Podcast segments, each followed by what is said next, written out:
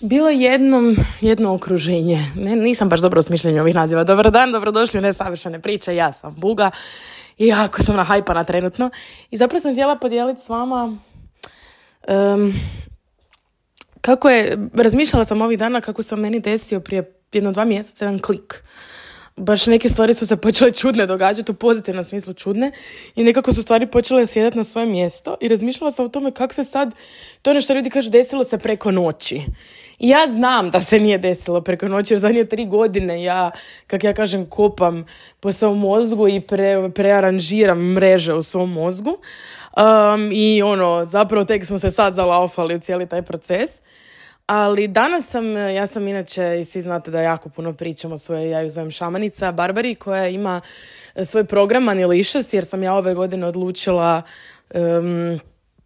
se baviti sa svojim odnosom sa novcem i ona ima baš program o novcu i, i, i mindset oko novca. Uglavnom, imali smo danas jutro Zoom e, u sklopu tog programa sa njom i sa jednom isto genijalnom ženom, Ivonom Namjesnik.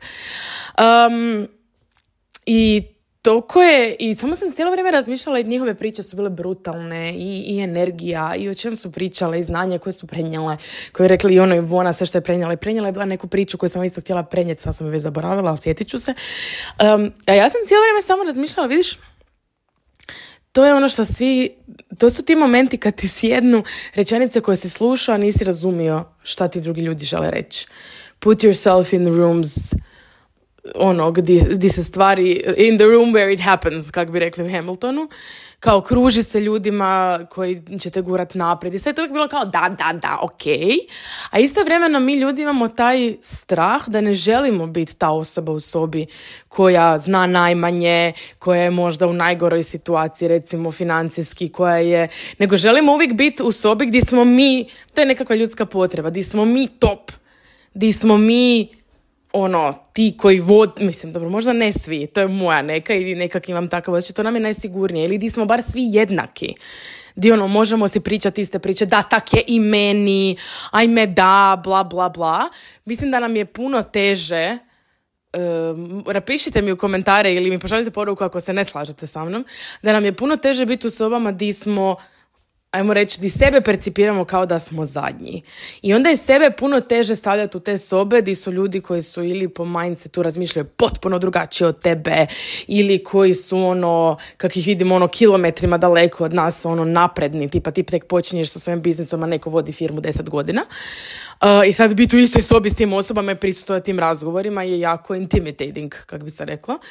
Um, ali s druge strane, je mene ja sam te tip osobe je mene uvijek to kopka. Ja uvijek želim znati različite perspektive. Ja sam otvorena prema tome da promijenim svoje mišljenje.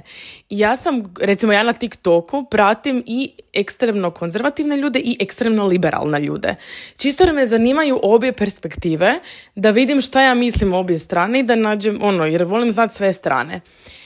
I tako sam ja, kad sam ja krenula, kad sam doživjela svoj burnout i, i breakdown mentalni i ona je bila potpuno izgubljena, sam tražila ljude koji žive nešto ono što si ja mislim da bi ja htjela možda nekad mogla ovo ono. Naravno da se tu odmah javlja onaj e, da li to je za druge moguće, a ne za mene i to je neko uvjerenje na kojem ja još uvijek radim, ali se snalazimo i mislim da ga svi imamo. To nije za mene mislim svi, to je generalizacija, ali puno ljudi mi znima kao da to je moguće za tebe jer, ali nije za mene jer. Um, ali ja sam nekako sebi i dalje punila glavu u pozadini, ne kažem da sam ja zbog toga genijala, nego ne znam, ne znam zašto sam to radila, ali ja sam slušala podcaste, ja sam, ono, nisam, dugo, dugo nisam ulagala u nikakve programe, niti ništa, ali sam stalno bila tak nekak sam slušala te perspektive drugih ljudi i kako drugi ljudi žive što je meni se činilo tako daleko i za mene potpuno nemoguće. Opet jela sam se izvući su svog sranja da prostite jer nije, ono jednostavno za mene to nije bilo smisla. Ali jako dugo je to bilo vrijeme te gestacije, kako bi se reklo, gdje sam ja samo slušala. I ništa se kao nije mijenjalo, ali ja sam slušala i, i počela zapravo na taj način, sad to vidim, skupljati dokaze da postoje ljudi koji žive drugačije, da postoje ljudi koji vjeruju nešto drugo, da postoje ljudi koji su prošli sve i svašta i iz tog se iskopali, odnosno od tog baš napravili neki novi život. I da, jako dugo vremena sam ja vjerovala da to meni nije dostupno, da se evo to njima dogodilo, jer ja nemam tu sreću, ja nemam tu mogućnost, ja ne mogu, ja nisam ta, nisam ta predodređena.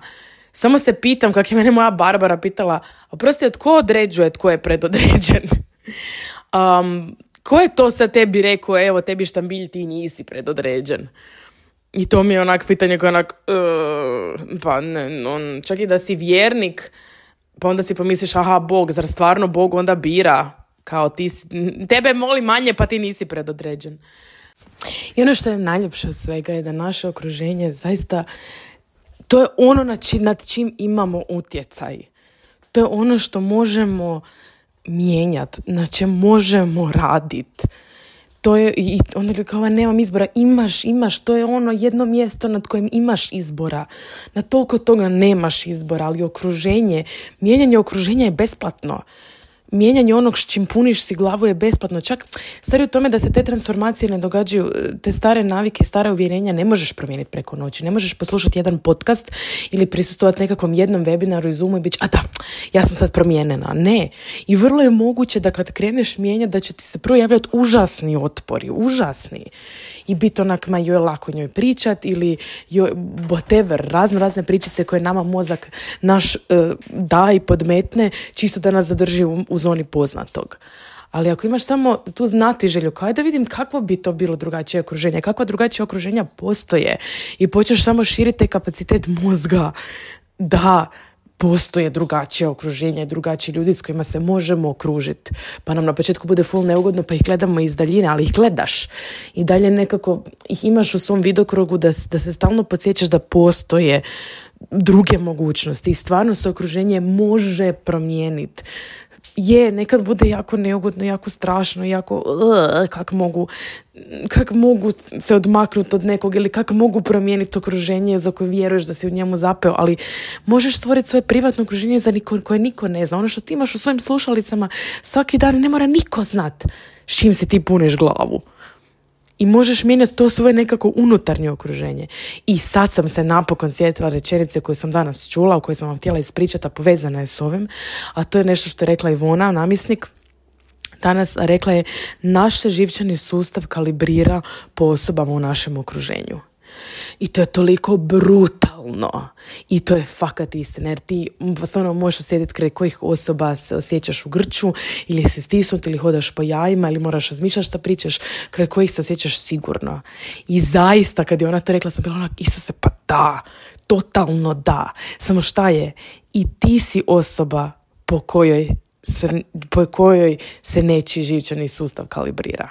I to može biti brutalno, a možeš si razmisliti kao, hmm, po čemu se to onda e, živčani sustav kalibrira Neći, ako su u mojoj blizini.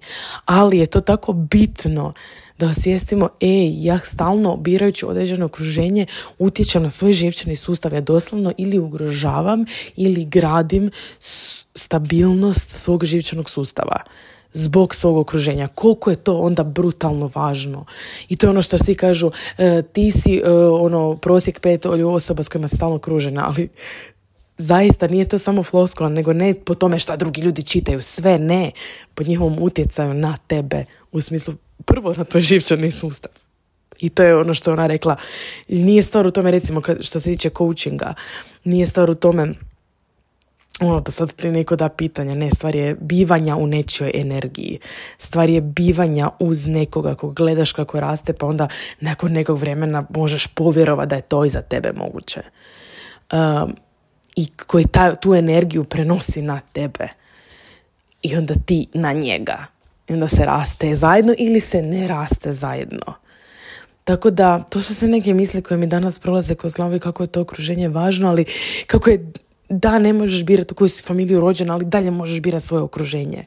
Možeš, bez obzira na to kakvo se okruženje rođen, možeš se izmijestiti iz njega, pa makar iznutra makar da sagradiš jedan, da se sačuvaš od utjecaja tog okruženja iznutra. Tako da evo, ovo su neke, mislim, snimila sam ovu epizodu dva naleta, pa nadam se svejedno da je sve to nekako ispalo koherentno. Um, ne znam tko sam izvukla riječ koherentno, nebitno.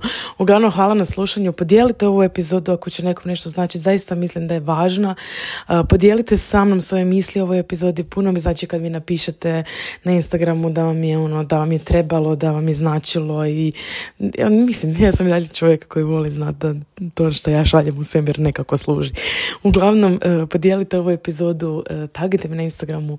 Hvala vam puno na slušanju. Imajte lijep dan, usudite se pogriješiti i birajte, ne zaboravite da uvijek imate odabir i onaj najmanji i ne zaboravite koliko god to odvratno zvučalo i mrzili tu rečenicu, ali zaista je istinita da i ne rađenje odabira je odabir.